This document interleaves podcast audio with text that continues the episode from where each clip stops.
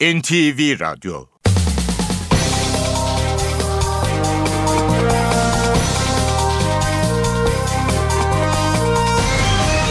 İşe Giderken Mutlu sabahlar. Ben Aynur Altunkaş. Bugün 1 Mayıs Perşembe. İşe giderken de Türkiye ve dünya gündemine yakından bakacağız. 7.35'te Ayhan Aktaş spor haberlerini aktaracak. 8.35'te Emrah Kayalıoğlu işe giderken sporda bizimle olacak. Gündemin başlıklarıyla başlayalım. Bugün 1 Mayıs Emek ve Dayanışma Günü. İstanbul Valiliği Taksim'de 1 Mayıs etkinliğine izin yok adres Yeni Kapı dedi. Sendikalarsa Taksim'e çıkmakta kararlı. Ankara'daki kutlamaların adresi ise Sıhhiye Meydanı. İstanbul'da bugün bazı yollar kapalı. Metrobüslerle Kadıköy'den Avrupa yakasına yolcu taşınmayacak. Beylikdüzü'nden de Topkapı istasyonuna kadar sefer var. Karaköy, Eminönü, Sirkeci ve Beşiktaş iskeleleri, Atatürk ve Unkapanı köprüleri de kapalı. Taksim Meydanı ve çevresi girişlere kapatıldı. Çeşitli illerden de İstanbul'a uçaklarla takviye polis ekipleri geldi. Hakkari'de belediye başkanlığının makam aracında çok miktarda patlayıcı bulundu. İki kişi gözaltında. Atletico Madrid Chelsea'yi 3-1 yenerek Şampiyonlar Ligi'nde finale çıktı. Arda Turan takımının 3. golünü attı. İşe giderken gazetelerin gündemi.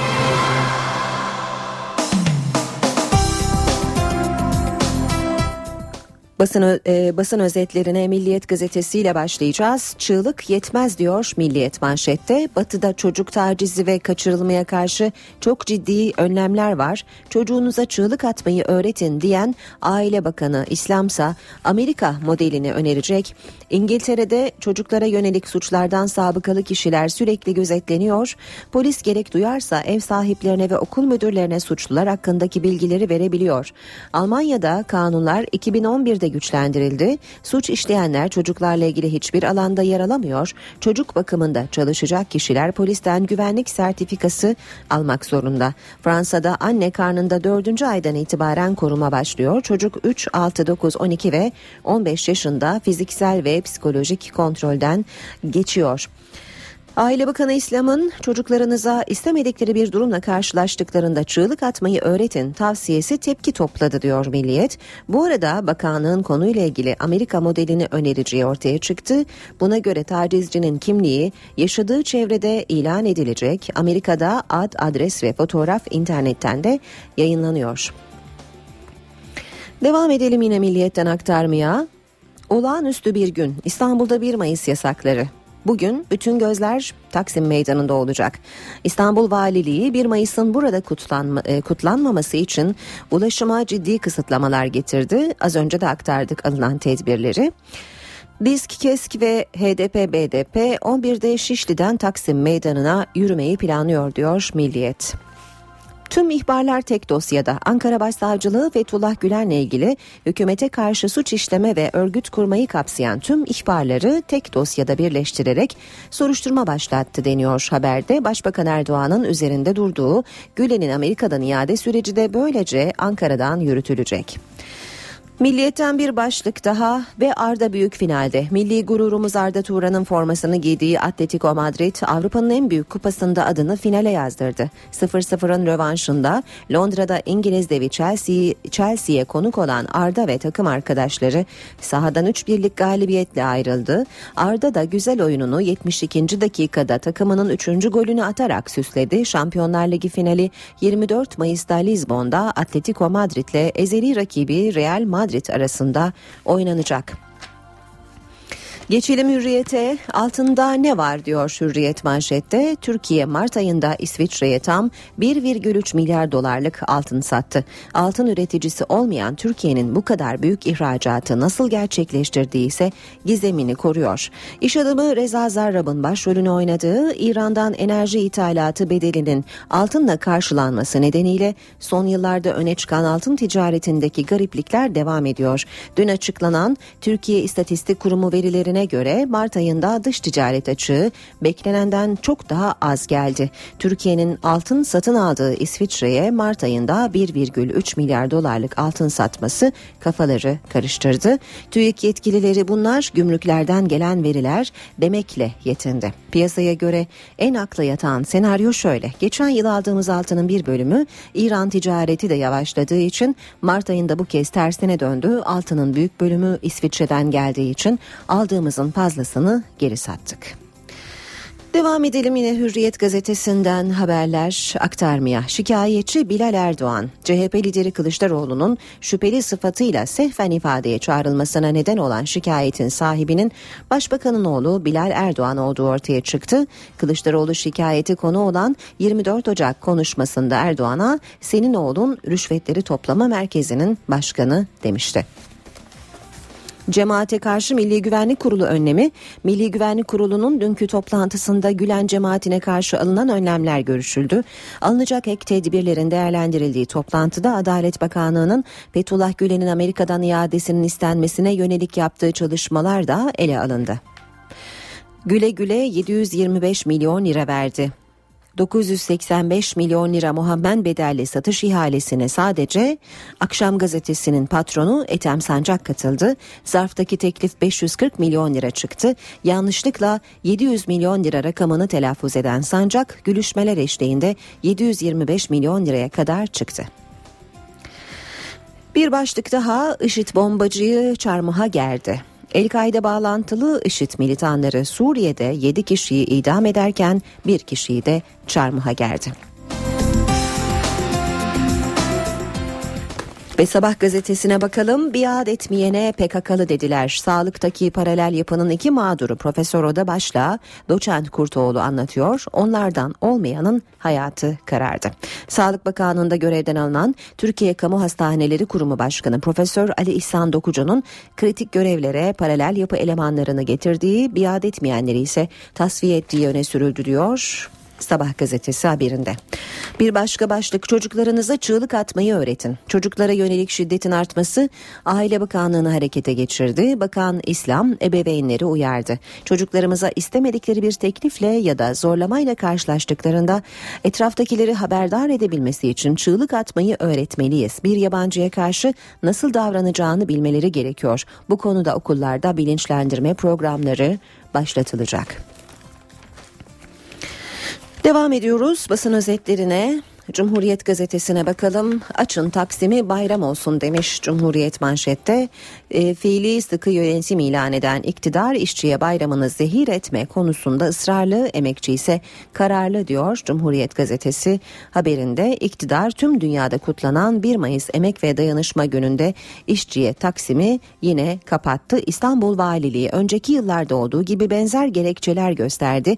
Valilik yasa dışı örgütlerin şiddete başvuracağına yönelik bilgiler olduğunu savundu. Sabah 6'dan itibaren metro, metrobüs, otobüs ve vapur seferleri iptal nedeniyle yurttaşların ulaşım özgürlüğüne de kısıtlama geldi diyor Cumhuriyet haberinde. Bir numara belli. Savcılık cemaat hakkında örgüt ve darbe soruşturması başlattı. İktidar darbe iddiasıyla balyoz ve ergenekon gibi davaların zeminini birlikte hazırladıkları cemaati de darbecilikle suçladı demiş Cumhuriyet haberinde. Radikal gazetesine bakalım şimdi de bayrama özel olağanüstü hal diyor Radikal manşette. Valilik Taksim yasağında sendikalarsa meydana çıkmakta ısrarlı. Anayasa Mahkemesi iç hukuk yolları tükenmedi dedi. Sonuç İstanbul bugün 1 Mayıs'ı olağanüstü hal şartlarında kutlamaya çalışacak. Sadece yeni kapı yolları açık. Metrobüs Anadolu'dan Avrupa'ya geçmeyecek. Avrupa'da Topkapı'ya kadar çalışacak. Tramvay içinde Topkapı son durak. Taksim ve Şişhane metroları devre dışı. Karaköy, Eminönü, Beşiktaş ve Sirkeci iskeleleri kapalı. Yeni kapıya giden bütün yollarsa açık olacak. Sürmanşet Gülen'e gizli soruşturma, Ankara Başsavcılığı'nın Fethullah Gülen hakkında soruşturma başlattığı ortaya çıktı. Sakarya'da yaşayan birinin suç duyurusuyla başlayan soruşturmanın UYAP'ta kaydının olmadığı öğrenildi. Dosyayı anayasal düzene karşı işlenen suçlar soruşturma bürosu savcılarından Serdar Coşkun yürütüyor. Habertürk'le devam ediyoruz. Çocuklar için risk haritası demiş Habertürk. Çocuk koruma platformu umutlar su kuyularında ölmesin diye Türkiye'de il il risk haritası çıkarıyor. Platform sözcüsü Adem Solak 24 milyon çocuk var onları tehdit eden metruk binalar, kuyular, hemzemin geçitler rapor ediliyor. Manisa'da engellendik risk haritası olsa Umut belki yaşıyordu dedi. Yeni Şafak gazetesine bakalım. Hem darbe hem casusluk diyor Yeni Şafak manşette. Paralel yapıya bir günde iki şok. Ankara Cumhuriyet Başsavcılığı paralel yapıya karşı iki kritik adım attı. Gülen'le ilgili suç duyurularını işleme koyan savcılık darbeye teşebbüs suçlamalarıyla soruşturma başlattı. Tip kayıtlarını yabancı ülkelere sızdıran örgüt elemanlarına da casusluktan soruşturma açtı. Ve Zaman Gazetesi'ne bakacağız son olarak. Anayasa Mahkemesi'ne yöneltilen eleştiriler kaygı verici. E, reform sürecine büyük destek veren Venedik Komisyonu'nun e, görüşlerine yer veriyor Zaman Gazetesi. Anayasa Mahkemesi'ne son zamanlarda yöneltilen sert eleştirilerden kaygı duyduğunu söyleyen Venedik Komisyonu Başkanı, mahkemenin son kararları Türkiye'de yargının bağımsızlığı ve ifade hürriyetinin tahkim edilmesine önemli katkı sağlamıştır dedi. Ölçüsüz eleştirinin Türkiye'nin kazanımlarını tehlikeye atacağını dile getirdi. Saat 7.16 işe giderken gündemin ayrıntılarıyla devam ediyor. Bugün 1 Mayıs İstanbul Valisi Hüseyin Avni Mutlu Taksim'de 1 Mayıs etkinliğine izin vermeyeceğiz dedi. İstihbarat aldık Taksim'de güvenliği sağlayamayız diye de ekledi. Ancak sendikalar Taksim'de kararlı. Bir takım istihbari bilgiler var. Bunları kamuoyuyla şu anda benim paylaşabilmem mümkün değil. Ama istihbari bilgilerimiz var. 2008 1 Mayıs'ının yasaklanmasında istihbarat bilgileri gerekçesini öne sürmüş ve bu Avrupa İnsan Hakları Mahkemesi tarafından ikna edici bulunmamıştır. 1 Mayıs'ın Taksim'de kutlanmasıyla ilgili taraflar son sözlerini söyledi. İstanbul Valisi yine yeni kapıya adres gösterdi. 1 Mayıs hepimizin bayramıdır. Hepimiz emekçiyiz. Yeni kapıya ulaşım konusunda hiçbir problem yaşanmayacaktır. 300 İETT aracını da istenilen her noktadan geliş ve gidiş ücretsiz sağlamak üzere de tahsis ettik. Disk Başkanı Kani Beko, Avrupa İnsan Hakları Mahkemesi tarafından alınan kararın bağlayıcı olduğunu ve hükümetin Taksim'de kutlamaya izin vermesi gerektiğini ifade etti. Akıl dışı ve hukuk dışı yasağa karşı biz Taksim'deyiz. Çalışma ve Sosyal Güvenlik Bakanı Faruk Çelik de sendikalardan Taksim'den vazgeçmelerini istedi. Taksim'de itirazı olan, e, ısrarı olan e, sendikalara buradan sesleniyorum. Yani sizin bir adım atma imkanınız yok mu kamu güvenliği açısından? 1 Mayıs'ta DİSK, KESK, Türkiye Mimar ve Mühendisler Odaları Birliği, Türk Tabipleri Birliği'nin yanı sıra Cumhuriyet Halk Partisi, BDP ve HDP ile Türkiye Komünist Partisi Taksim çağrısı yapmışlardı. Türk İş, Hak İş, İşçi Partisi ve Türkiye Gençlik Birliği ise Kadıköy'de toplanacak. İstanbul'da bugün 1 Mayıs nedeniyle bazı yollar kapalı olacak. Metro, metrobüs ve vapur seferlerinde de değişiklikler söz konusu. Şimdi haberimizde dinleyelim hangi yollar kapalı? İstanbul'da 1 Mayıs önlemleri kapsamında bazı yollar kapalı olacak. Valiliğin kutlama yapılamaz dediği Taksim Meydanı ve çevresinde 19 bin polis görev yapacak. 1 Mayıs'ta İstanbul genelinde görev yapacak polis sayısı ise 39 bin. Özellikle Taksim Meydanı ve çevresi demir bariyerlerle kapatılacağı için İETT otobüsleri sefer yapamayacak. Metrobüs seferlerinde de kısıtlamalar var. Kadıköy'den Avrupa yakasına yolcu taşınmayacak. Beylikdüzü'nden de Topkapı istasyonuna kadar sefer var. Sabah saat 6'dan itibaren metro, Hacı Osman ve Levent istasyonlar arasında yolcu taşıyacak. Taksim ve yakınındaki istasyonlarsa kapalı. Kabataş Taksim füniküler seferleri de yapılamayacak. Bağcılar Kabataş tramvay hattının son durağı ise Topkapı. Buradan Kabataş'a geçiş izni yok. İstanbul Valisi Hüseyin Avni Mutlu, işçiler isterlerse yeni kapıda bayramı kutlayabilir dedi. Bunun için her iki yakada da 300 YTT otobüsü hazır bekleyecek. Bu nedenle Boğaz Köprüleri ve Marmaray'da açık tutulacak. Şehir hatları vapurlarını kullanacak olan İstanbullulara bir uyarı. Karaköy, Eminönü, Sirkeci ve Beşiktaş iskeleleri kapalı. Bu arada Sirkeci Harem arasındaki araba vapuru seferleri de yapılmayacak. Atatürk ve Unkapanı köprüleri de kapatıldı. 1 Mayıs kutlamasına kapatılan Taksim Meydanı'na günler önce getirilen demir bariyerler gece kuruldu. Meydan ve çevresi girişlere kapatıldı. İstanbul'a çeşitli illerden de takviye polis ekipleri geldi. Başbakan Erdoğan'dan 1 Mayıs mesajı geldi. Erdoğan 1 Mayıs'ın şiddetten uzak kutlanması en büyük arzumuz dedi. Erdoğan millete hizmet yolunda başlıklı konuşmasında Cumhurbaşkanlığı seçimleri ve paralel yapılanmalara da değindi. 1 Mayıs'ın şiddetten, vandalizmden, çatışmadan uzak şekilde bir emek, demokrasi ve dayanışma şöleni olarak kutlanması en büyük arzumuz. Başbakan Recep Tayyip Erdoğan 1 Mayıs mesajını millete hizmet yolunda konuşmasında verdi. Geçmişte yaşanan acı ve kötü manzaraların yaşanmasını hiç arzu etmiyoruz dedi. İşçilerimizin, emekçilerimizin, tüm çalışanlarımızın tarihlere boyun eğmeden kendi günlerini bayram havasında kutlayacaklarına inanıyor. Ben de tüm çalışanların emek ve dayanışma gününü tebrik ediyorum. Başbakan, Cumhurbaşkanı adayı belirleme çalışmalarının sürdüğünü, seçim öncesi ve sonrasında belirsizlik ortamının oluşmasına izin vermeyeceklerini söyledi. Aday tespit çalışmalarımız son derece hassas bir şekilde ilerliyor. İnşallah kısa süre zarfında adayımızı açıklayacak, Türkiye'yi 77 milyonuyla kucaklayan bir atmosferde seçimleri gerçekleştireceğiz. Konuşmasında yerel seçimi de değerlendiren Başbakan, Türkiye'nin meselelerini sokakta, karanlık odalarda değil, sandıkta çözüme kavuşturduğuna işaret etti, seçim sürecinde yaşananları hatırlattı. Hiçbir değere hürmeti olmayan, dini, manevi, toplumsal ve insani hiçbir kutsalı tanımayan, helal ve haram kavramlarının sınırlarını kaybetmiş bir örgütün öncülüğünde ülkemiz adeta esir alınmak istendi. Başbakan Erdoğan 30 Mart'ta halkın verdiği mesajı aldık dedi, paralel yapıyla mücadelenin devam edeceğini söyledi. Şundan emin olunuz ki istiklalimizi, birliğimizi, kardeşliğimizi ve huzurumuzu tehdit eden çetelerle, örgütlerle mücadelemiz hiç hız kesmeden devam edecektir. Uluslararası merkezlerin maşası gibi çalışıp kendi ülkesine ihanet eden örgütlerden hukuk ve demokrasi içinde mutlaka hesap sorulacaktır. 1-1 Mayıs mesajı da CHP Genel Başkanı Kemal Kılıçdaroğlu'ndan geldi. Kılıçdaroğlu herkesin bayramını istediği yerde istediği gibi kutlamak en doğal hakkıdır dedi. İktidar Partisi'nin örgütlü mücadeleyi hedef aldığını savunan Kılıçdaroğlu, hükümet 1 Mayıs kutlamalarını çatışma alanı haline getirerek toplumu terörize etmeye ve gündemi değiştirmeye çalışmaktadır dedi. Ankara Cumhuriyet Başsavcılığı bir suç duyurusu üzerine Fethullah Gülen hakkında soruşturma başlattı. Başsavcılık yetkilileri delillerin henüz toplanmaması nedeniyle soruşturmanın hangi suç maddeleri kapsamında yürütüldüğüne ilişkin bilgi vermedi. Soruşturma dosyasının anayasal düzene karşı işlenen suçlar bürosunda görev yapan Cumhuriyet Savcısı Serdar Coşkun'da bulunduğu öğrenildi. Fethullah Gülen'in avukatı Adnan Şeker bir kişinin Adapazarı'nda suç duyurusunda bulunduğunu söyledi.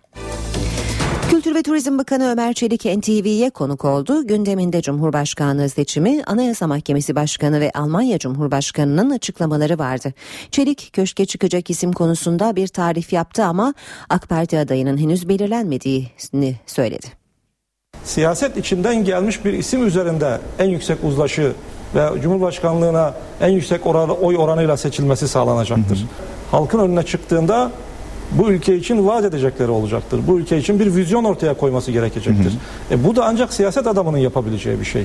Kültür ve Turizm Bakanı Ömer Çelik 10 Ağustos'ta yapılacak Cumhurbaşkanlığı seçimini değerlendirdi. Bakan Çelik, köşke çıkacak ismin siyasetin içinden gelmesi gerektiğine vurgu yaptı. AK Parti'nin köşk adayı için çalışmalarında devam ettiğini söyledi. Bir kere Sayın Başbakanımızın AK Parti tabanı kadar bu diğer tabanlarda da ciddi bir karşılığı var. Ama tüm bunlar bizim şu anda Cumhurbaşkanı adayımız AK Parti'nin bellidir şeklinde bir yoruma götürmemeli biz. NTV yayınına konuk olan Ömer Çelik'in gündeminde Anayasa Mahkemesi Başkanı Haşim Kılıç'ın açıklamaları da vardı. Oradaki kişisel göndermeleri gömlek metaforu üzerinden ya da diğer metaforlar üzerinden yapılan göndermeleri e, tamamen yokluğa mahkum ediyoruz. Çok çirkin göndermelerdi onlar. Çelik, Almanya Cumhurbaşkanı Joachim Gauck'un Türkiye'ye hedef alan eleştirilerine de tepki gösterdi. Çelik'e göre Gauck açıklamalarıyla Türkiye'nin iç işlerine karıştı. Yüzlerce görüşmeye katılıyoruz. Yüzlerce devlet başkanıyla devlet başkanlarımızın, hükümet başkanlarının görüşmelerine katılıyoruz. Hı hı. Ve bizim benim gördüğüm kadarıyla böyle bir adet yok. Ben ilk defa siyasi hayatta böyle bir şey görüyorum. Bir konuk cumhurbaşkanının gelip o ülkede doğrudan e, hükümeti yargıya müdahaleyle suçlayan bir açıklama yapması. Kültür ve Turizm Bakanı Ankara Cumhuriyet Başsavcılığı'nın Fethullah Gülen hakkında başlattığı soruşturma içinse bunun çok kapsamlı bir şekilde milli güvenlik problemi olarak soruşturulması ve gereğinin yapılması lazım ifadesini kullandı. Almanya Cumhurbaşkanı Joachim Gauck'un eleştirilerine tepkiler dün de sürdü. Meclis Başkanı Cemil Çiçek Gauck'un sözlerini diplomatik nezakete aykırı bulduğunu söyledi. Almanya Cumhurbaşkanı'nın eleştirilerine CHP ve MHP'dense farklı tepkiler var. Gauck'un Türkiye'ye yönelik sert eleştirilerine bir tepki de Meclis Başkanı Cemil Çiçek'ten geldi. Ölçüyü kaçırdı dedi. Diplomatik nezakete, nezakete aykırı bulduğumu belirtmek istiyorum. Cumhurbaşkanı Ee, ayrıca e, ayrıca e, siyaseten de sorumlu açıklamalar bunlar. İktidara ve muhalefete yönelik e, değerlendirmeleri de e, saygı açısından e, biraz ölçünün kaçırıldığı gibi bir e, izlenim var bende. Almanya Cumhurbaşkanı'na MHP'de tepkili. Ankara Milletvekili Özcan Yeniçeri kimse Türkiye'nin iç işlerine karışamaz dedi. Hiçbir ülke ve hiçbir devlet bağımsız Türkiye Cumhuriyeti Devleti'nin iç işlerine karışamaz. Gelip hem de Türkiye'de münasebetsiz bir şekilde devlet yetkililerine bunları söylemesinin bir anlamı yoktur. CHP sözcüsü Ali Koç ise Almanya Cumhurbaşkanı'nın eleştirilerine katıldıklarını söyledi. Hukuk devleti ilkelerinin yok edilmesi, kişisel hak ve özgürlüklerin kısıtlanması tüm demokratik ülkelerin tabii ki dikkatini çekiyor. Bu tespitleri, eleştirileri, kurallı demokrasi talebini sadece Almanya Cumhurbaşkanı değil, Türkiye'de bizler de dile getiriyoruz. CHP lideri Kılıçdaroğlu'nun savcı tarafından sehven de olsa ifadeye çağrılmasının yankıları da sürüyor. CHP Grup Başkan Vekili Akif Hamza Çebi çağrı sehven yapıldı açıklamasını inandırıcı bulmadıklarını söyledi. Meclis Başkanı da olaya tepkiliydi. Saygısızca bir işlem olarak görüyorum. Herhalde ilgili makamlarda gereğini yapacaktır. Meclis Başkanı Cemil Çiçek'in CHP lideri Kılıçdaroğlu'nun şüpheli sıfatıyla ifadeye çağrılmasına tepkisi sert oldu. Çiçek Parlamento Muhabirleri Derneği'nin 50. kuruluş yıl dönümü töreninde konuştu. Böyle bir işlem hukuka aykırıdır. Hukuku uygulayan makamlardan hukuka aykırı işlemlerin sadır olması asla kabul edilebilecek bir husus değildir. Bunu bir saygısızlık olarak da e, görürüm. Cumhuriyet Halk Partisi'nin de sehven ifade çağrısına sert tepkisi sürüyor. Grup Başkan Vekili Akif Hamza Çebi çağrının yanlışlıkla yapıldığının inandırıcı olmadığını söyledi. Şikayetçinin kimliğiyle Sayın Kılıçdaroğlu'nun daveti yan yana getirildiğinde bunun sehven yapılmadığını düşünüyorum. Bu arada CHP ifade çağrısını yapan savcı Mehmet Demir hakkında Hakimler ve Savcılar Yüksek Kurulu'na şikayet başvurusunda bulundu. Yaklaşık 6 saat süren Milli Güvenlik Kurulu toplantısı akşam saatlerinde sona erdi. Toplantı sonrası yayınlanan bildiride ulusal güvenliği tehdit eden yapılanmalar ve bunlara yönelik tedbirler değerlendirilmiştir denildi. İçişleri ve Adalet Bakanları kurul üyelerine bilgi verdi. Cumhurbaşkanı Abdullah Gül başkanlığında toplanan Kritik Milli Güvenlik Kurulu toplantısı 6 saat sürdü. Toplantının ana gündem maddelerinden biri yine paralel yapı iddialarıydı. İçişleri ve Adalet Bakanları kurul üyelerine yapılan çalışmalarla ilgili bilgi verdi. Kurul bildirisinde paralel yapı ifadesine yer verilmeden alınan tedbirlere dikkat çekildi. Toplantıda ülkemizin güvenliğini ilgilendiren hususlar ayrıntılı olarak görüşülmüş, ulusal güvenliğimizi tehdit eden yapılanmalar ve bunlara yönelik olarak alınan tedbirler değerlendirilmiştir. MGK bildirisinde Mısır'daki muhaliflere yönelik idam kararlarının kaygıyla izlendiği de vurgulandı. Açıklamada kararların düzeltileceği yönündeki beklenti dile getirildi. Bildiride Suriye'deki çatışma ortamının ulusal güvenliği tehdit ettiği vurgusu bir kez daha yapıldı.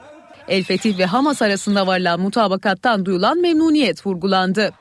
Toplantıda ayrıca Cumhurbaşkanı Abdullah Gül tarafından başlatılan savunma reformu çalışmaları da değerlendirildi. Genelkurmay Başkanlığı Türk Silahlı Kuvvetleri'nin kuvvet yapılanması ve personel konularını da içeren çalışmanın sonuçlarını kurul üyelerine sundu. Milli Savunma Bakanlığı da Savunma Sanayi Müsteşarlığı'nın yapısını yeniden düzenleyen çalışma konusunda bilgi sundu.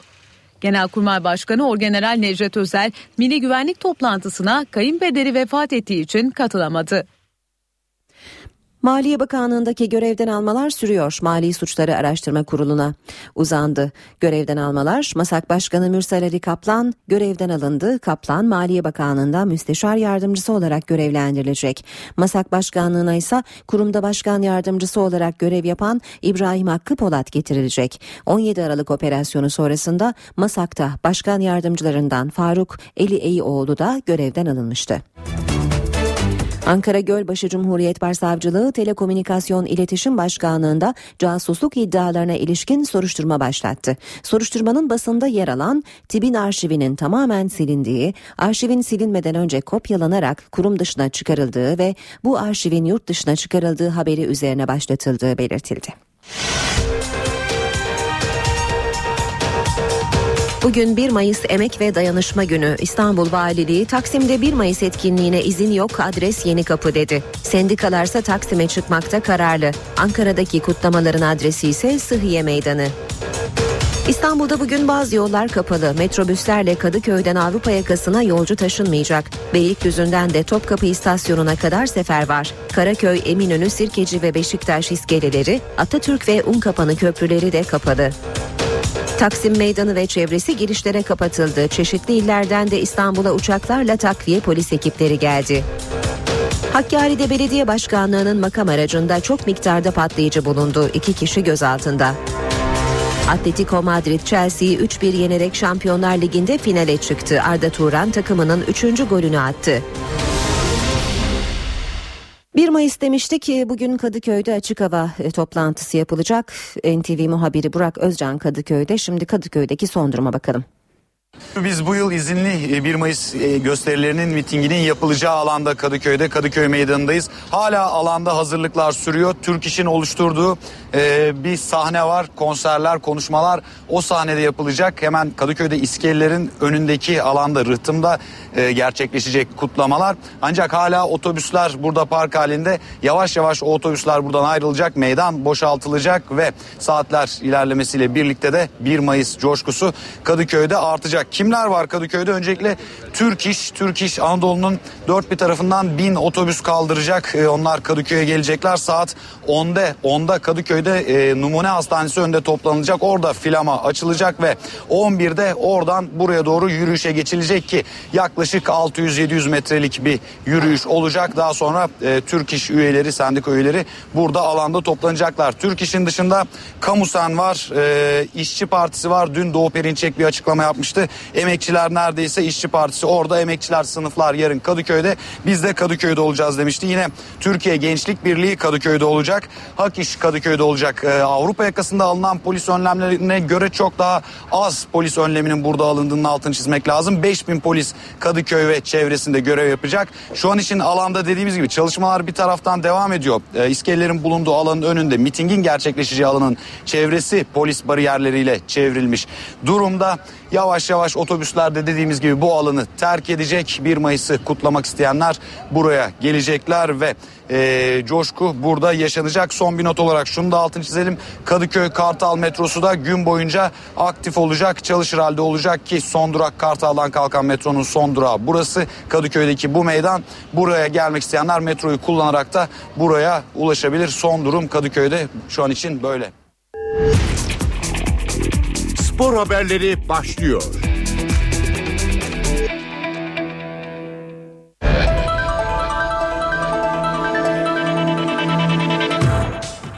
Günaydın ben Ayhan Aktaş. Spor gündeminden gelişmelerle birlikteyiz.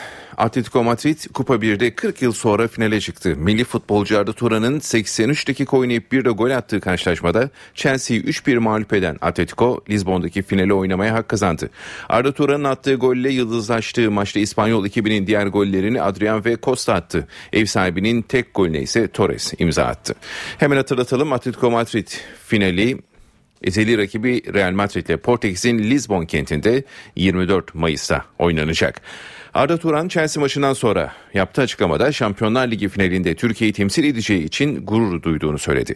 Chelsea maçına damgasını vuran Arda, Şampiyonlar Ligi'nde finale çıkmalarını değerlendirdi ve zaferi yorumladı. Milli futbolcu, ülkemi temsil edebildiysem ne mutlu bana. Bizim için özel bir gündü, çok mutluyum. Aileme bana her zaman destek verdiği için çok teşekkür ederim. Çok zor bir final olacak. Mourinho çok büyük bir teknik direktör. Chelsea çok büyük bir takım ifadelerini kullandı. Şampiyonlar Ligi'nin ardından Avrupa Ligi'nde de finalistler bugün belli oluyor. Juventus, Benfica ve Valencia Sevilla karşılaşmaları öncesi takımlardan yansıyan son haberleri dinliyoruz şimdi. UEFA Avrupa Ligi bu sezon Torino'da noktalanıyor. Kendi sahasında oynanacak final karşılaşmasında yerini ayırtmak isteyen Juventus bunun için öncelikle Benfica engelini aşmak zorunda. İtalyan ekibinin rüyasını gerçekleştirmek için yarı finalin ilk ayağında 2-1 mağlup olduğu Portekiz temsilcisini kendi sahasında yenme mecburiyeti bulunuyor. Bu sezon Avrupa kupalarında evinde hiç yenilmeyen Juventus 1-0 ve her türlü iki farklı galibiyetlerde final biletini cebine koyacak. Serie A'da iki sezondur şampiyonluk yaşayan siyah beyazlılar 3. şampiyonluğuna da çok yakın. Kalan 3 haftada bir galibiyet alması Juventus'u üst üste 3. kez mutlu sona taşıyacak. Portekiz Ligi'nde şampiyonluğunu iki hafta önce ilan eden Benfica ise hem Portekiz Kupası'nda hem de Lig Kupası'nda final maçlarına çıkacak. Geçtiğimiz yıl kupayı finalde Chelsea'ye kaptıran Lisbon ekibi Avrupa arenasında oynadığı son 4 deplasman karşılaşmasını da galibiyetle tamamladı. Avrupa Ligi'nde yarı finalin diğer karşılaşmasına Mestalla Stadı ev sahipliği yapacak. İlk maçı Sevilla'ya 2-0 kaybeden Valencia tıpkı çeyrek finalde olduğu gibi önemli bir geri dönüşe imza atmak istiyor. Çeyrek finalin ilk maçında 3-0 yenildiği Bazeli uzatmaya giden rövanşta 5-0 mağlup eden Pizzi'nin öğrencileri tutkulu taraftarı önünde Sevilla'ya karşı benzer bir tarihi skor alma amacında olacak. Basel karşılaşmasında hat-trick yapan ev sahibi ekibin forvet oyuncusu Paco Alcacer cezası nedeniyle bu önemli maçta forma giyemeyecek.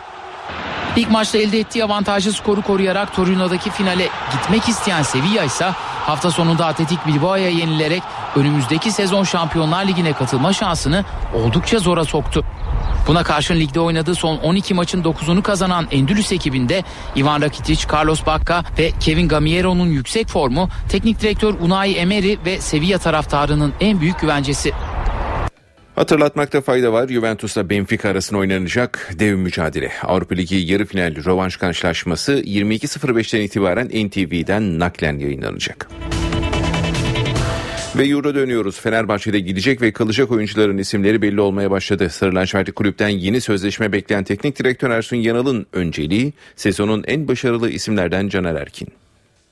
Şampiyon Fenerbahçe gelecek sezonu planlıyor. Devre arasında takıma takviye yapmayan ancak sezon boyunca bir sonraki sene için transfer ekibinden düzenli olarak rapor alan teknik direktör Ersun Yanal öncelikle kendi sözleşmesinin uzatılmasını bekliyor. İç transferde ise görüşülecek ilk isim Caner Erkin. Başarılı oyuncunun yurt dışındaki teklifleri değerlendirmek istemesi halinde Ersun Yanal listesindeki yabancı sol beklere yönelecek. Fenerbahçe'de başta Roma olmak üzere birçok takımın listesinde yer alan Salih Uçan içinse henüz bir karar verilmiş değil. Genç oyuncunun İtalya'ya gitmeye sıcak baktığı biliniyor. Mikael Kadleç bu sezon yalnızca 7 maçta forma giymesine rağmen teknik heyet Çek futbolcu için olumlu rapor verdi. 29 yaşındaki defans oyuncusu takımda kalması durumunda daha fazla süre almak istiyor. Eldeki yabancılardan Christian Baroni ve Samuel Holmen ise yeni sezonda Ersun Yanal'ın planlarında yer almıyor. Baroni'nin ülkesindeki takımlarla temas halinde olduğu öğrenilirken Holmen için Spor Toto Süper Lig'de birçok takım Fenerbahçe'den haber bekliyor. Kiralık olarak takımdan gönderilen Miroslav Sto, Josef Yobo ve Miloš Krasic ile sezon sonunda yolların ayrılması ise kesin gibi. Galatasaray'da teknik direktör Roberto Mancini'nin geleceği tartışılmaya devam ediyor. Sarı Kırmızılı takımdan ayrılıp ayrılmayacağı merak konusu olan tecrübeli teknik adam için Avrupa basını da her gün yeni bir iddia ortaya atıyor. İtalyanlara göre Roberto Mancini'nin Galatasaray'da kalma olasılığı yüzde 40. Sarı kırmızılı takımdaki geleceği tartışılan Mancini için Avrupa basını da her gün yeni bir iddia ortaya atılıyor. Son olarak La Gazzetta İtalyan teknik adamın %30 ihtimalle Tottenham'ın başına geçeceğini yazdı. Gazete Roberto Mancini'nin Galatasaray'da kalma olasılığını %40 olarak verirken %30 ihtimalle de başka bir takıma gideceğini okuyucularına duyurdu. La Gazzetta Mancini'nin Tottenham'a gideceğini yazsa da İngiliz ekibinin Frank de Boer'la görüşmek için Ajax kulübünden resmi olarak izin istediği açıklandı. Hollandalı teknik adam da Tottenham'ın ilgisini doğrularken teklife 3 Mayıs'tan sonra cevap vereceğini duyurdu. Premier Lig ekibi De Boer'le anlaşamaması durumunda rotasını Roberto Mancini'ye çevirecek. İtalyanların yanı sıra İngiliz medyası da Roberto Mancini'nin Galatasaray'dan ayrılmasına kesin gözüyle bakıyor.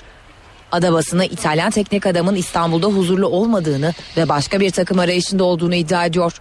Ve voleybolla bültenimizi tamamlayalım. Fenerbahçe Acıbadem Kadınlar Voleybol Ligi finalinde pes etmedi. Sarılaşvertli takım Vakıf Bank'ı playoff serisinin 3. maçında 3-1 yendi ve seriyi 2-1'e getirdi. Fenerbahçe'nin durumu 2-1'e getirdiği seride 4. maç 3 Mayıs Cumartesi günü saat 13'te oynanacak. Vakıf Bank kazanırsa şampiyon olacak. Fenerbahçe'nin galibiyeti halinde ise şampiyon serinin 5. maçında belli olacak. Öte yandan Fenerbahçe Kulübü erkek vol- voleybolda kritik bir adım atıyor. Acıbadem Erkekler Voleybol Ligi final serisinde Halkbank'ın şampiyon olduğu maçta yaşanan bir pozisyon Fenerbahçe'de sabırları taşırdı. Sarı lacivertler haksızlığa uğradıkları gerekçesiyle erkek voleybol şubesini şubesinde küçülme kararı aldı. Fenerbahçe Yönetim Kurulu üyesi Hakan Dinçay kararının nedenlerini NTV Spor anlattı. Dinçay, yıllardır Türk voleyboluna büyük yatırımlar yapıyoruz ancak artık adaletli kararlar verilmiyor. Bu kadar emeğin yatırımın karşılığını sahada alamıyoruz. Mağlup olduğumuz zamanda rakibin elini sıkmasını biliriz ama hatalar çok olmaya başladı artık sıkıldık dedi. Dinçay kadın voleybol şubesiyle ilgili ise herhangi bir yaptırımda bulunmayacaklarını sözlerine ekledi. Bu haberimizde spor bültenimizi tamamlıyoruz. İyi günler diliyoruz. NTV Radyo Bugün 1 Mayıs Emek ve Dayanışma Günü. İstanbul Valiliği Taksim'de 1 Mayıs etkinliğine izin yok adres Yeni Kapı dedi. Sendikalarsa Taksim'e çıkmakta kararlı. Ankara'daki kutlamaların adresi ise Sıhhiye Meydanı. İstanbul'da bugün bazı yollar kapalı. Metrobüslerle Kadıköy'den Avrupa yakasına yolcu taşınmayacak. Beylikdüzü'nden de Topkapı istasyonuna kadar sefer var. Karaköy, Eminönü, Sirkeci ve Beşiktaş iskeleleri, Atatürk ve Unkapanı köprüleri de kapalı. Taksim Meydanı ve çevresi girişlere kapatıldı. Çeşitli illerden de İstanbul'a uçaklarla takviye polis ekipleri geldi. Hakkari'de belediye başkanlığının makam aracında çok miktarda patlayıcı bulundu. İki kişi gözaltında. Atletico Madrid Chelsea'yi 3-1 yenerek Şampiyonlar Ligi'nde finale çıktı. Arda Turan takımının 3. golünü attı. Gökhan Abur hoş geldiniz. Merhaba hoş bulduk günaydın. Ee, bugün yurdumuzda hava nasıl olacak? Ee, Akdeniz'de yağış yok. Sıcaklıklar bir aile yüksek 20 ile 25 derece arasında değişecek. Güney Ege'de yağış beklemiyoruz. Ama şu anda Marmara'da özellikle Trakya kesiminde sabah saatlerinde Edirne'de hafif yağış vardı. Şu anda Gelibolu civarında hafif yağış var. Fakat Batı Karadeniz'deki yağışlar kuvvetli. Zonguldak, Bartın arasındaki yağışlar Samsun'a doğru yayılacak ve daha da kuvvetlenecek. Bu arada e, Karabük ve Kastamonu arasında yine aralıklarla yağış var. Bolu'da da ilerleyen saatlerde yağışın başlamasını bekliyoruz. Doğuda ise e, yağış yok. Doğu bölgelerde de bugün için yağış beklemiyoruz. Bir ara Diyarbakır tarafında Güneydoğu'da hafif de olsa bir yağış olasılığı var. Aynı şekilde Adana civarında çok hafif yağış geçişi görülebilir. Ama batıdaki yağışlar bugün ara verdi. İstanbul'da ise şu anda hava sıcaklığı bir ayrı yüksek ve 13 derece bugün 17-18'lere kadar İstanbul'da hava sıcaklığının çıkmasını bekliyoruz. Rüzgar güneyden Lodos'tan esmeye devam ediyor. Lodos yönlü bu rüzgar ilerleyen saatlerde bulutlanmayı biraz arttıracak. O bakımdan gece saatlerinde İstanbul'da yerel sağanak yağmur geçişleri bekliyoruz. Bu yağışlar yarın sabah erken saatlere kadar aralıklarla devam edecek. Ama yarın gün boyu ve cumartesi günü İstanbul'da yağış görülmeyecek. Ama pazar günü İstanbul başta olmak üzere batı bölgelerimiz Marmara yeni bir yağışlı havanın etkisi altına girecek. Ankara'da şu anda bulutlanma artmış durumda. Çok bulutlu bir hava var. Önümüzdeki saatler içinde Ankara'da çok hafif yağış geçişi görülebilir. Sıcaklık ise şu an itibariyle 7 derece. İlerleyen saatlerde bu sıcaklık Ankara'daki sıcaklığın da güne göre biraz azalsa da yağıştan dolayı yine yüksek değerlerde olacak. Ve bugün beklediğimiz sıcaklık ise 17 derece civarında. İzmir'de gün içinde rüzgar sert esmesini sürdürecek. Şu anda keşifleme yönlü rüzgar İzmir'de 7 kilometre hızla esiyor. Sıcaklık 12 derece. Bulutlanma zaman zaman artıyor. Dolayısıyla bu bulut artacak bulutlanmayla ilerleyen saatlerde özellikle İzmir'in kuzey ilçeleri başta olmak üzere kısa süreli yağış geçişleri görülebilecek. Bu yağışlar öğleden sonra başlayacak gibi gözüküyor ve İzmir'de bugün için beklediğimiz en yüksek sıcaklıksa 22 derece civarında olacak. Evet bizleri bekleyen koşullar böyle. Gökhan Abur teşekkürler. Ben teşekkür ediyorum.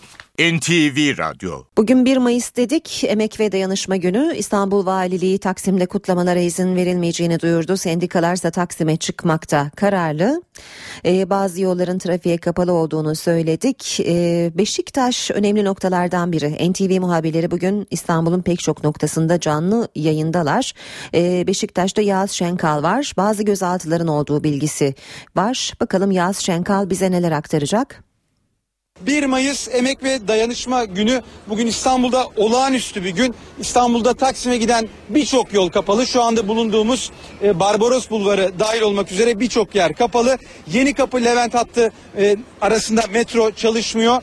Finiküler sistem çalışmıyor. Metrobüs An- Anadolu ve Avrupa arasında sefer yapmıyor. Bağcılar Kabataş tramvayı sadece Topkapı'ya kadar çalışıyor ve Barbaros Bulvarı da bu yayını yaptığımız yerde lojmanlardan itibaren kapandı. Ee, yaklaşık 7'yi 10 geçe sularında kapandı. Biz de tam o dakikalarda buradaydık. İşte CHP burada. CHP toplanıp buradan Taksim'e yürümek istiyordu. ÖDP, TKP, çarşı, öğrenci kolektifleri, halk evleri de bize gelen bilgiler doğrultusunda Beşiktaş'tan Taksim'e yürümek istiyordu. E, DİSK Başkanı Kani Beko da bir açıklama yaptı. E, biz akıl dışı ve hukuk dışı yasağa karşı Taksim'de olmak istiyoruz. 2010, 2011, 2012'de gerçekleşen 1 Mayıs kutlamaları hala açıklanmayan e, gerekçeler yüzünden yasaklandı. İşçiler çıkarsa kent yaşamı olumsuz etkilenir diyerek kentte sıkı yönetim ilan ediliyor diye konuştu. Kani Beko işte biz de o sıcak yerlerden o sıcak duraklardan birindeyiz. Bulunduğumuz yer Beşiktaş Işıklar ve burada kısa bir süre önce e, bazı göstericilere e, otobüslerin önüne yatıp otobüslerin çekilmesini engellemek isteyenlere e, polis müdahalede bulundu ve bazı göstericiler gözaltına alındı. İstanbul'dan yayınlarımız devam edecek. Başbakan Erdoğan'dan 1 Mayıs mesajı geldi. Erdoğan 1 Mayıs'ın şiddetten uzak kutlanması en büyük arzumuz dedi. Erdoğan millete hizmet yolunda başlıklı konuşmasında Cumhurbaşkanlığı seçimleri ve paralel yapılanmalara da değindi. 1 Mayıs'ın şiddetten, vandalizmden, çatışmadan uzak şekilde bir emek, demokrasi ve dayanışma şöleni olarak kutlanması en büyük arzumuz. Başbakan Recep Tayyip Erdoğan 1 Mayıs mesajını millete hizmet yolunda konuşmasında verdi. Geçmişte yaşanan acı ve kötü manzaraların yaşanmasını hiç arzu etmiyoruz dedi. İşçilerimizin, emekçilerimizin, tüm çalışanlarımızın tarihlere boyun eğmeden kendi günlerini bayram havasında kutlayacaklarına inanıyor. Ben de tüm çalışanların emek ve dayanışma gününü tebrik ediyorum. Başbakan, Cumhurbaşkanı adayı belirleme çalışmalarının sürdüğünü, seçim öncesi ve sonrasında belirsizlik ortamının oluşmasına izin vermeyeceklerini söyledi. Aday tespit çalışmalarımız son derece hassas bir şekilde ilerliyor. İnşallah kısa süre zarfında adayımızı açıklayacak, Türkiye'yi 77 milyonuyla kucaklayan bir atmosferde seçimleri gerçekleştireceğiz. Konuşmasında yerel seçimi de değerlendiren Başbakan, Türkiye'nin meselelerini sokakta, karanlık odalarda değil, sandıkta çözüme kavuşturduğuna işaret etti, seçim sürecinde yaşananları hatırlattı. Hiçbir değere hürmeti olmayan, dini, manevi, toplumsal ve insani hiçbir kutsal tanımayan, helal ve haram kavramlarının sınırlarını kaybetmiş bir örgütün öncülüğünde ülkemiz adeta esir alınmak istendi. Başbakan Erdoğan 30 Mart'ta halkın verdiği mesajı aldık dedi, paralel yapıyla mücadelenin devam edeceğini söyledi. Şundan emin olunuz ki istiklalimizi, birliğimizi, kardeşliğimizi ve huzurumuzu tehdit eden çetelerle, örgütlerle mücadelemiz hiç hız kesmeden devam edecektir. Uluslararası merkezlerin maşası gibi çalışıp kendi ülkesine ihanet eden örgütlerden hukuk ve demokrasi içinde mutlaka hesap sorulacaktır. Bir 1 Mayıs mesajı da CHP Genel Başkanı Kemal Kılıçdaroğlu'ndan geldi. Kılıçdaroğlu herkesin bayramını istediği yerde istediği gibi kutlamak en doğal hakkıdır dedi. İktidar partisinin örgütlü mücadeleyi hedef aldığını savunan Kılıçdaroğlu, hükümet 1 Mayıs kutlamalarını çatışma alanı haline getirerek toplumu terörize etmeye ve gündemi değiştirmeye çalışmaktadır dedi. İstanbul'dan yayınlarımız devam edecek demiştik. Şimdi Taksim'e gideceğiz. İstanbul'da 1 Mayıs'ta kritik nokta Taksim. Valilik izin vermeyeceğini bildirdi. Disk ve sivil toplum kuruluşları ise Taksim'de ısrarlı. Sabah erken saatlerde Taksim polis tarafından adeta kuşatmaya alınmış durumda. Şu anda da NTV muhabiri Ilgaz Gürsoy orada ve bize son notları aktaracak. Ilgaz. Taksim Meydanı'na toplu ulaşımla ulaşma şansı, buraya gelme şansı yok diyebiliriz. Toplu ulaşım Taksim Meydanı'na şu anda yapılmıyor. Sadece Taksim'e değil Taksim çevresine yakınına dahi toplu ulaşımla gelme şansı yok. Şunu söyleyelim yıllardır 1 Mayıs kutlamalarını takip ediyoruz. En yoğun güvenlik önlemlerinin bu sene e, alındığını gözlemledik. Biz Taksim Meydanı ve çevresinde Taksim'e çıkan bütün sokaklar kapalı, çevresine çıkan bütün sokaklarda kapalı. İstiklal Caddesi'nde, Mete Caddesi'nde, sıra servilerde, e, tarla başında e, caddeye çıkan bütün sokaklar, ara sokaklardan Taksim'e doğru yönelmek istediğinizde o sokağın sonunda mutlaka polisleri ve polis bariyerlerini görüyorsunuz. Taksim Meydanı'nda da polisler çevik kuvvet konuşlanmış durumda. Sabah erken saatlerden itibaren ve tomalar da var Taksim Meydanı'nda.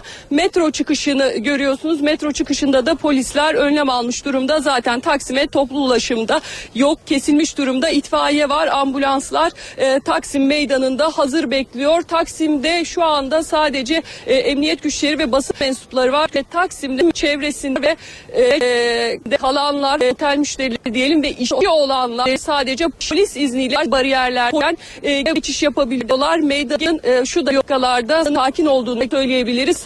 Peki e, meydanda bugün sembolik katılanla ancak İstanbul Valiliği bir tören e, yapılabileceğini söyledi. Her yıl olduğu gibi e, kazancı uykuşuna bu yılda e, sivil toplum örgütleri karanfil bırakacak. İlk önce Türk İş gelmesini bekliyoruz. Saat 9 sıralarında kazancı yokuşunu görüyorsunuz şu anda. Orada meydanda hemen arkada gördüğünüz kazancı yokuşu. İşte o sokakta e, bariyerler var. E, sivil toplum örgütleri oraya gelecekler. E, e, Türk İş gelecek önce saat 9 civarında bir tören yapılacak. Karanfiller bırakılacak. 1977'de hayatını kaybedenleri anmak üzere. Ardından Türk İş Kadıköy'de 1 Mayıs'ı kutlayacağını açıklamıştı. Kadıköy'e geçecek e, ve burada Disk, KES, TMOF ve Türk Tabipler Birliği 1 Mayıs'ı biz Taksim'de kutlayacağız demişti. İşte onlardan oluşan bir grup da e, ardından Kazancı Yokuşu'na gelecek ve onlar da Kazancı Yokuşu'na karanfiller bırakıp törene katılacaklar, tören yapacaklar. Hemen Gezi Parkı'nda görelim Taksim Meydanı'nda.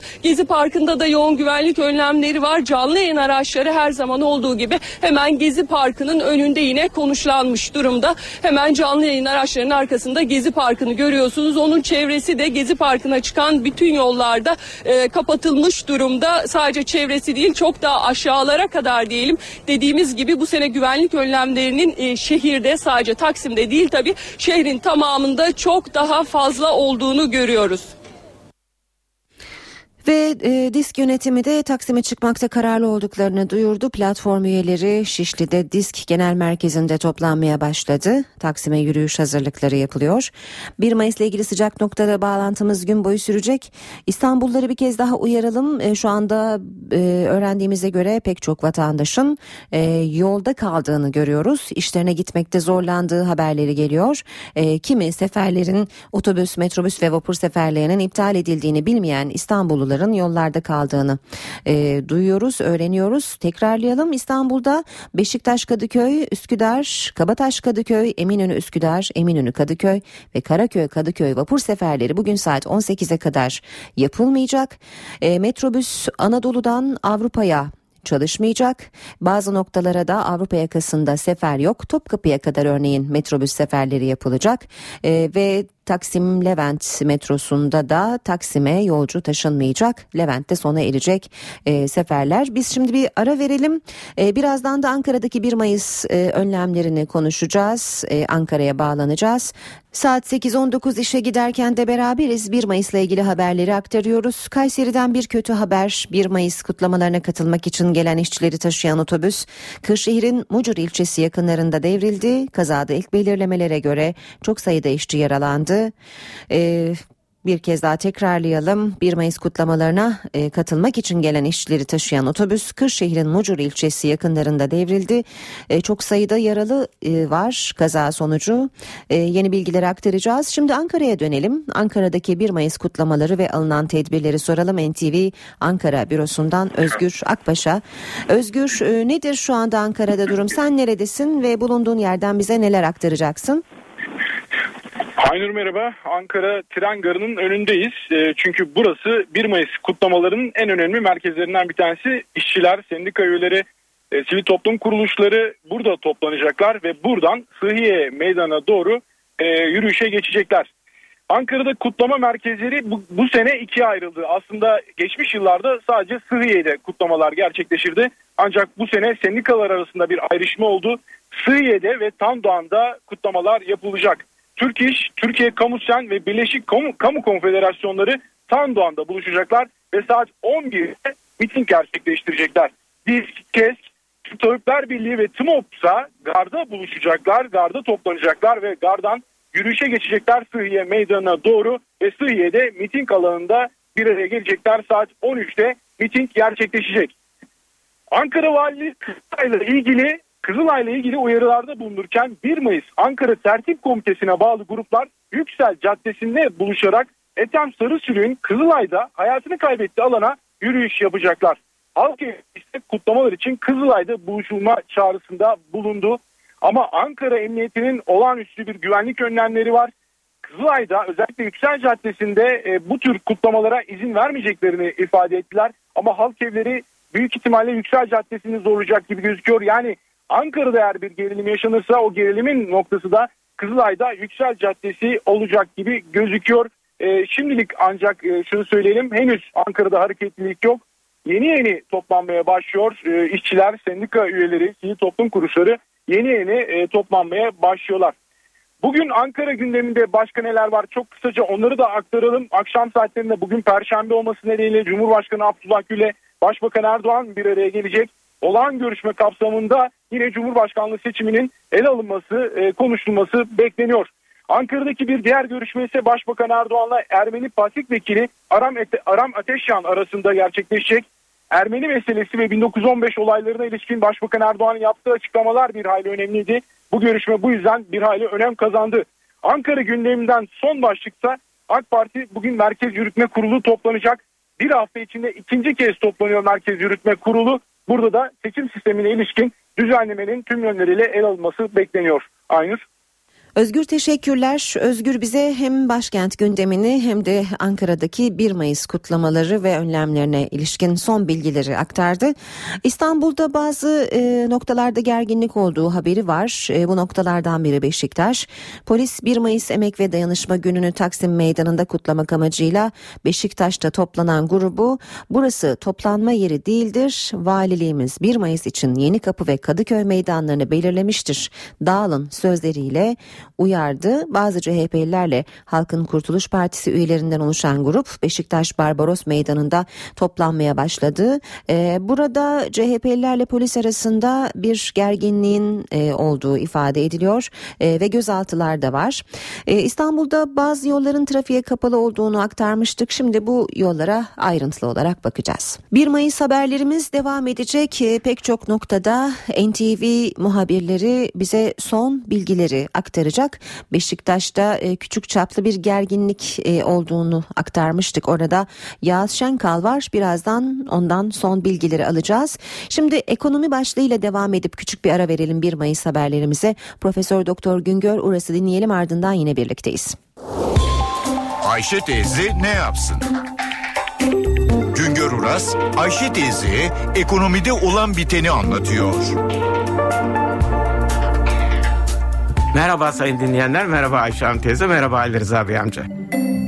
Ekonomideki gelişme tek başına insanları mutlu etmiyor. Ekonomide gelişme demek, üretimin, milli gelirin artması demek. Bunlar iyi şeyler ama ne var ki hayat sadece iş ve aştan ibaret değil. Kaldı ki işin ve aşın olabilmesi yani üretimin ve gelirin artması da sosyal gelişmeye bağlı. İnsanların sağlıklı olmasına, iyi eğitilmesine, iş bulabilmesine, yaşam şartlarının iyiliğine bağlı. Bütün bunların etkisinde insanların verimli çalışmasına bağlı. Sosyal gelişme denilen şey basit anlatımıyla insanların iyi yaşayacakları, mutlu olacakları ortamın yaratılmasıdır. İyi yaşam imkanlarının oluşturulmasıdır. Düşük bir yaşam tarzı ile ileri üretimi gerçekleştirmek, yüksek geliri elde etmek mümkün değil. İşte bunun için ekonomik ve sosyal gelişme birbiriyle çok ilişkili, birbirine bağlı. Türkiye'de kişi başı milli gelir sıralamasında diğer ülkeler arasında 62. sıradayız. Ama Birleşmiş Milletler'in yaşam araştırmasında da 77. sıraya düştük. yaşam araştırmasında kullanılan bilgiler ekonomik ağırlıklı değil, ekonomik ve sosyal bilgiler dengeli olarak değerlendiriliyor. Kişi başı milli gelirin yanında ülkenin sanayide, tarımda üretim gücü, gelir dağılımına bakılıyor. Yoksulluk, yaşam şartları, sanat, kültür, tiyatro, opera, resim, heykel, spor gibi yaşamın olmazsa olmazları dikkate alınıyor.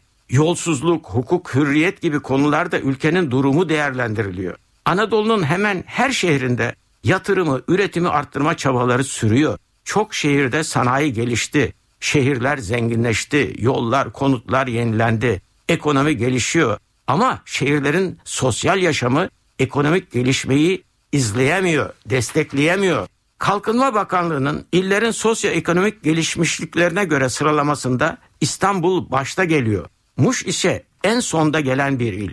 Sıralamanın sonundaki 10 ilimiz Bingöl, Şanlıurfa, Mardin, Van, Bitlis, Şırnak, Siirt, Ağrı, Hakkari ve Muş. Ekonomik bakımdan öne çıkan illerden Kayseri, Kalkınma Bakanlığı'nın illerin sosyoekonomiklik gelişmişliklerine göre yaptığı sıralamada İstanbul başta geliyor. Muş ise en sondaki il. Sıralamanın sonundaki 10 ilimiz Bingöl, Şanlıurfa, Mardin, Van, Bitlis, Siirt, Şırnak, Ağrı, Hakkari ve Muş. Ekonomik bakımdan öne çıkan illerden Kayseri ise bu sosyoekonomik sıralamada 17. sırada. Konya 20. sırada. Malatya 42. sırada. Araştırma gösteriyor ki bir ilin ekonomik bakımdan gelişmesi mutlaka sosyal gelişmeyi de peşinden getirmiyor. O nedenle ekonomik gelişme kadar sosyal gelişmeye de önem vermek zorundayız. Bir başka söyleşide birlikte olmak ümidiyle şen ve esen kalınız sayın dinleyenler. Uras'a sormak istediklerinizi ntvradio.ntv.com.tr adresine yazabilirsiniz. İşe giderken devam ediyor. 1 Mayıs e, sebebiyle İstanbul'un pek çok noktasında NTV muhabirleri var. E, buralardan e, birine gidiyoruz şimdi Beşiktaş'a. Bir gerginlik var Beşiktaş'ta. Yağız Şenkal da karşımızda. Yağız merhaba. Merhaba. E, Taksim'e çıkmak isteyen gruplar Beşiktaş'ta toplanmaya başlamıştı. Son durumu aktarır mısın bize? Şimdi biz Beşiktaş'tayız. Bir gerginlik oldu burada ama şu anda yani şu dakika itibariyle sakin diyebilirim. Şimdi 1 Mayıs Emek ve Dayanışma Günü.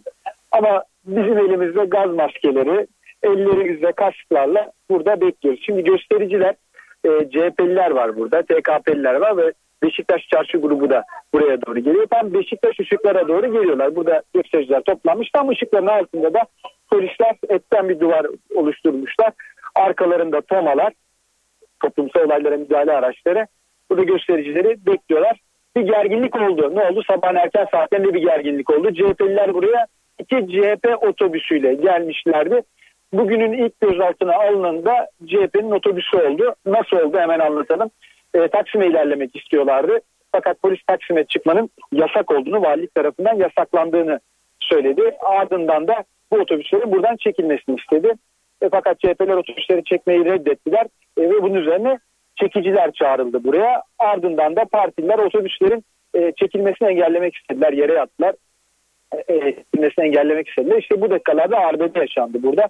Bazı partilerin bazı partiler gözaltına alındı. Ardından çekiciler geldi. CHP'nin bir otobüsü buradan e, götürdüler. Diğer CHP, e, otobüste CHP'liler kendileri çektiler. Ama şu anda e, biz burada bekliyoruz tam ışıkların olduğu yerde.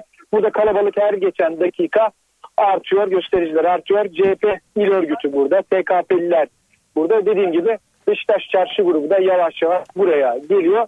Şu anda e, sakiniz, bekliyoruz. Evet. E, polis bir kenarda bekliyor, göstericiler bir kenarda bekliyor.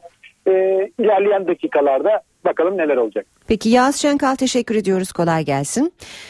İstanbulluları uyarmaya devam edelim. Yola çıkmak üzere olan, yolda olan dinleyenlerimize söyleyelim. E, vapur seferleri çalışmıyor. Üsküdar, Beşiktaş, Kadıköy, Karaköy, Eminönü arasında vapur seferleri iptal.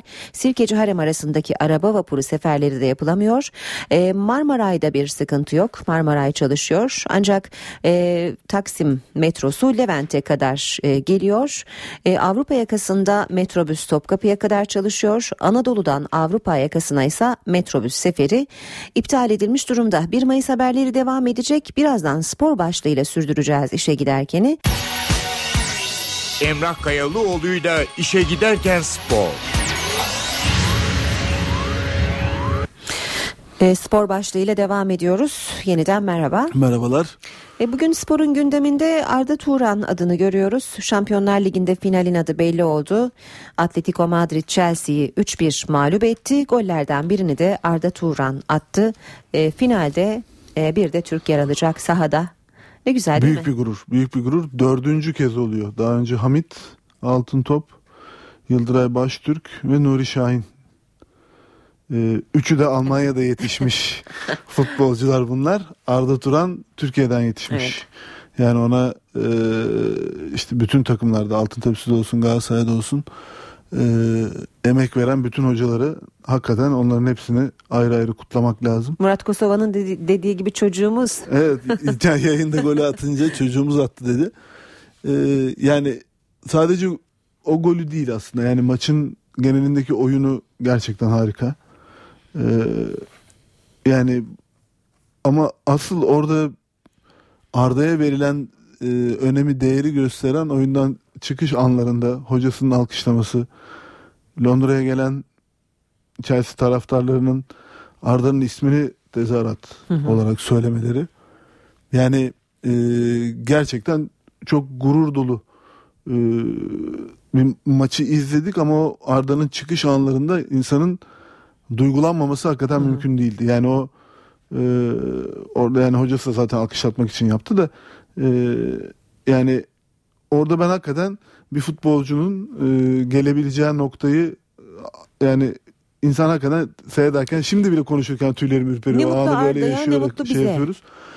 Yani öyle tabii çok gerçekten çok değerli bir şey bu. Yani Şampiyonlar Ligi finali oynamak e, ya o kupada yer almak zaten birçok futbolcunun rüyası. Finali oynamak için o finali oynayabilecek bir takıma da tarafından beğenilip alınmak lazım. Evet. Öyle kendi kendinize gidip ulaşabileceğiniz, tek Tabii, başınıza tabii. ulaşabileceğiniz bir nokta değil. Ee, bu arada tabii Arda gittiğinde e, niye Atletico Madrid diyerek Atletico Madrid'i küçümseyenler şunu unutmasınlar. Arda finalde de oynaması durumunda ki oynayacaktır mutlaka. E, UEFA Kupası finali, Avrupa Süper Kupası ve e, Şampiyonlar Ligi finali. Üçünü birden oynamış ilk Türk futbolcu olacak. E, ve Atletico Madrid'de bunu başarırken şu anda Atletico Madrid İspanya Ligi'nin de lideri. Barcelona ve Real Madrid'in önünde e, kendi maçlarını kalan 3 maçının ikisini kazanması durumunda şampiyon olacak. Yani böyle bir noktada şu anda. E, yani bence inanılmaz bir sezon geçiriyorlar zaten. Takım halinde. E, hatta Arda'nın bir şundan bir, bir, bir buçuk ay önce bir sakatlığı da oldu. Hatta bayağı bir endişe yarattı e, bizlerde de. Yani acaba eski o pubis nüksediyor mu? Sezonu kapar mı? E, takım böyle dolu dizgin giderken finali kaçırır mı diye. Ama ya maşallah dün yani sapasağlam gördük sahada. E, ki biraz idman eksiği olmasına rağmen. Dünkü performansı o idman eksiğine rağmen çok e, önemliydi. Maçla ilgili bir de şunun bence altını çizmek lazım. Ki Mourinho da söyledi.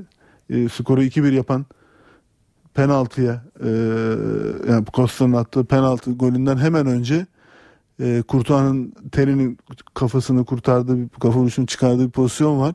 Maç içinde de birçok kurtarışı var ama o bunlar arka arkaya geldiği için o iki pozisyon e, yani maçın kader anı oydu diyor Mourinho ve e, burada şunun altını çizelim. Kurtuğa'nın oynayıp oynayamayacağı bu seride çok tartışılıyordu. Evet. Chelsea'nin futbolcusu. Kiralık olarak oraya gitti. Anlaşmada madde vardı. Şu kadar para ödenmesi gerekir bize karşı oynatmak için diye. Ve UEFA bu konuda daha kura çekilmeden bu iki takım eşleşmeden haberler çıkar çıkmaz bir tavır koymuştu. Evet, evet. Burada o anlamda gerçekten sportif e, kararlarda süretin ne kadar önemli olduğu örneğini bizim yani resmen yüzümüze çarptı. Biz bu konuda çünkü hakikaten itiraf etmek zorundayız ki çok geriyiz. Federasyonun çok eksiği yok mu bu konuda? Evet yani o anlamda söylüyorum zaten. Yani sportif kararların hızlı alınması e, noktasında gerçekten çok geriyiz. Ve burada daha kriz oluşmadan, oluşma ihtimaline karşı alınmış bir karardan bahsediyoruz. Ee, ve işte o karar sonrası Kurtuğa oynadı ve e, yani biz tabi Arda tarafından bakıyoruz ama bence maçın kilit performanslarından biri de ona ait. Ee, o anlamda da ders niteliğinde bir maçtı o. Maçı yani bir karardı ve maçtı peşinden gelen. Ee, ama yani ben gerçekten yani hala konuşurken heyecanlanıyorum Arda'nın finalde yer alacak olması Finalde dışında ne olacak? bu performansından dolayı çok insan heyecanlanıyor. Finali nasıl görüyorsunuz şimdiden? Nasıl bir final Madrid, izleyeceğiz? Madrid, Madrid'de kalacak kupa. Öyle mi düşünüyorsunuz? Real Madrid'le Atletico Madrid oynuyor. Otomatikman. Peki hangi tarafı diye soralım. Ee, ya yani burada kalbimizin sesi Atletico Madrid tabii. Evet. Ve yani şöyle söyleyeyim. e, tek maçlık bir 90 dakika belki 120 dakikalık bir karşılaşma olacak. Evet Real Madrid kadrosu gerçekten çok kuvvetli. Özellikle bu tip e, tek maçlık bir mücadelede e, bu kadro potansiyeli İbre'yi biraz daha onların lehine çevirecek. E, ama e, Atletico Madrid'in bütün bir sezon yaptıkları onların gerçekten inanılmaz bir özgüvenle sahaya çıkmasını sağlayacak ve ben e, yani muhtemelen e, bu tip konularda kim favoridir değildir'e bakmak için zaten maça doğru bir e, bahis oranlarına baktığınızda anlarsınız ama muhtemelen Real Madrid daha favori gösterilecektir. E, ama yani böyle kalbim zorluyor Atletico Madrid demeye. İnşallah ve yani öyle bir baskın ki mantığımı bile eliyor şu anda. O zaman yani Atletico inşallah- Madrid alacak diyoruz yani. İnşallah Atletico Madrid alır ve galibiyet golünü de Arda atar diyelim. Hedefi Yani büyütelim atsın niye atmasın olmasın? orada bulunsun. Ee, çünkü hatırlarsınız UEFA finalinde şampiyonluk sonrası Türk bayrağıyla tur atmıştı sahada. Evet tabii. Ee, yani o anlamda geldiği yerleri hiçbir zaman unutmayan bir, bir karakter zaten. Ee, yani inşallah kazanacak ve inşallah bize o mutluluğu bir kere daha yaşatacak diyorum ben. Peki e, süremiz bugün çok az. E, 1 Mayıs e, sebebiyle birçok noktadan canlı bağlantılarımız oluyor. Son haberleri dinleyenlerimize aktarmaya çalışıyoruz ama e, bir kas kararı ile ilgili görüşlerinizi de alalım. Şimdi kas kararıyla ilgili dün internete sızdı önce. Ee, Spor X'te yayınlandı yanlış hatırlamıyorsam. Ondan sonra Fenerbahçe Kulübü böyle bir karar kulübümüze ulaşmamıştır. Henüz ulaşan bir karar yok diye bir açıklama yaptı. Ee, gazetelerde farklı yansıması var. Kastan müjde diyen de var. Ee, dört tane maçtaki şikayet teşebbüsün onaylanmış olmasının e, Fenerbahçe için kötü haber olduğunu savunan da var. Ee, kararla ilgili usulle ilgili bir problem var. Ee, yani usule bir itiraz var kararın içinde. Evet. Üç hakimden birinin usul yönünden yaptığı itiraz da var. Ee, usul yönünden itiraz olması e, Fenerbahçe'nin bugüne kadarki belki federal mahkemeden lehimize bir karar çıkartabiliriz. Ee, Avrupa'ya gidebiliriz söylemlerini e, o anlamda elini niye o kadar güçlü olduğunu düşündüğünü bize anlatıyor. Çünkü İsviçre Federal Mahkemesi karara genelde usul yönünden bakacak. Öyle sisteme öyle bakan bir e, yargı merci. E, ve burada üç hakimden birinin usul tarafında muhalefet şerhi koymuş olması Fenerbahçe'nin elini gerçekten kuvvetlendirecek. Ama e, yani bildiğim kadar hukuki olarak son sözü yine İsviçre Federal Mahkemesi söylemiyor. İsviçre Federal Mahkemesi en fazla kararla ilgili kasa bir iadede bulunabiliyor. Yine son kararı kas veriyor. E, o noktada e, yani eninde sonunda sonuçta bu dört maçın e, gerekçeli kararda da onanmış olması e, o anlamda belki de Fenerbahçe'nin istediği sonucu almasını engelleyebilir diye düşünüyorum hala.